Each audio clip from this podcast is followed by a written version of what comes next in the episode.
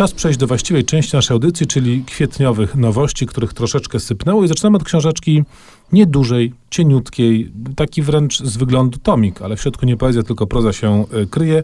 Mam na myśli książkę Sorena Gogera, Rzeczy Niewysłowione, która pod kilkoma względami jest dość specyficzna.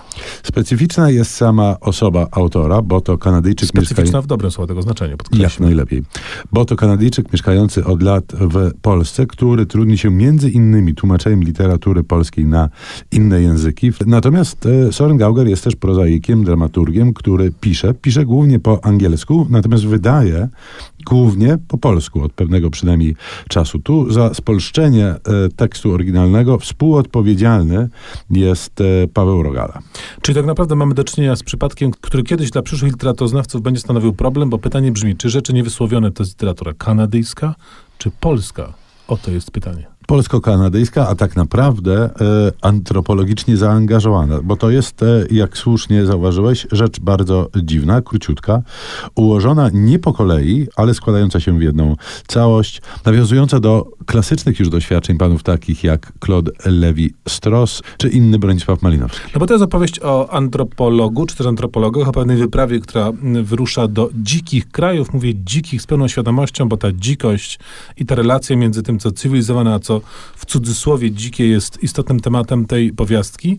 No właśnie, to jest taka trochę przypowieść, bo z jednej strony ma to strukturę ewidentnie opowieści fabularnej, tam jest, y, tam jest akcja, tam są bohaterowie, tam jest finał y, zaskakujący. Do tego wszystkiego dostajemy bardzo ciekawe i nieoczywiste y, posłowie, pewien komentarz autora, który sytuuje tę powieść na takim szerokim planie, więc rzeczywiście rzecz zajmująca i którą czyta się, no to jest tak, to jest na jedno przysiedzenie lektura, ale zarazem daje ona do myślenia bardzo ciekawa y, y, sprawa, naprawdę. Warto też wspomnieć, co istotne w zaistniałych okolicznościach, że książka, która okazała się nakładem wydawnictwa Nisza, dostępna jest, co dla tego wydawcy nie jest zwyczajne, również w wersji e-bookowej.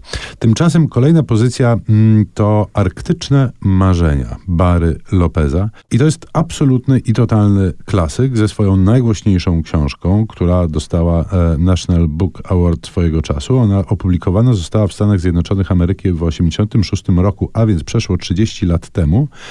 I mm, Barry Lopez jest e, gigantem tak zwanego e, nature writing, czyli pisania o środowisku, pisania o przyrodzie. No i mamy do czynienia z jego opus e, magnum. On spędził 5 lat na dalekiej północy, gdzieś od ciśniny Barenca po Grenlandię się pętał i opisał. Opisał to, co zobaczył, opisał to, co się tam działo przed nim i to, co działo się przed jego oczami. To jest niesamowite, że mm, on ma tą rzadką umiejętność opisywania krajobrazów, umówmy się, pustynnych w sposób niewyobrażalnie, wręcz zajmujący. Opisuje też mm, średnio funkcjonującą, ale jednak przyrodę dalekiej e, północy, znając ją wyśmienicie i rozumiejąc ją, bo jego takim zamysłem podstawowym jest to, że my północą zarządzamy źle i coraz gorzej. I żeby zarządzać nią lepiej, powinniśmy się nauczyć. Nauczyć, czym ona jest, jak ona wygląda i, i jak ją należałoby traktować. Smutne niestety jest to, że od przeszło 30 lat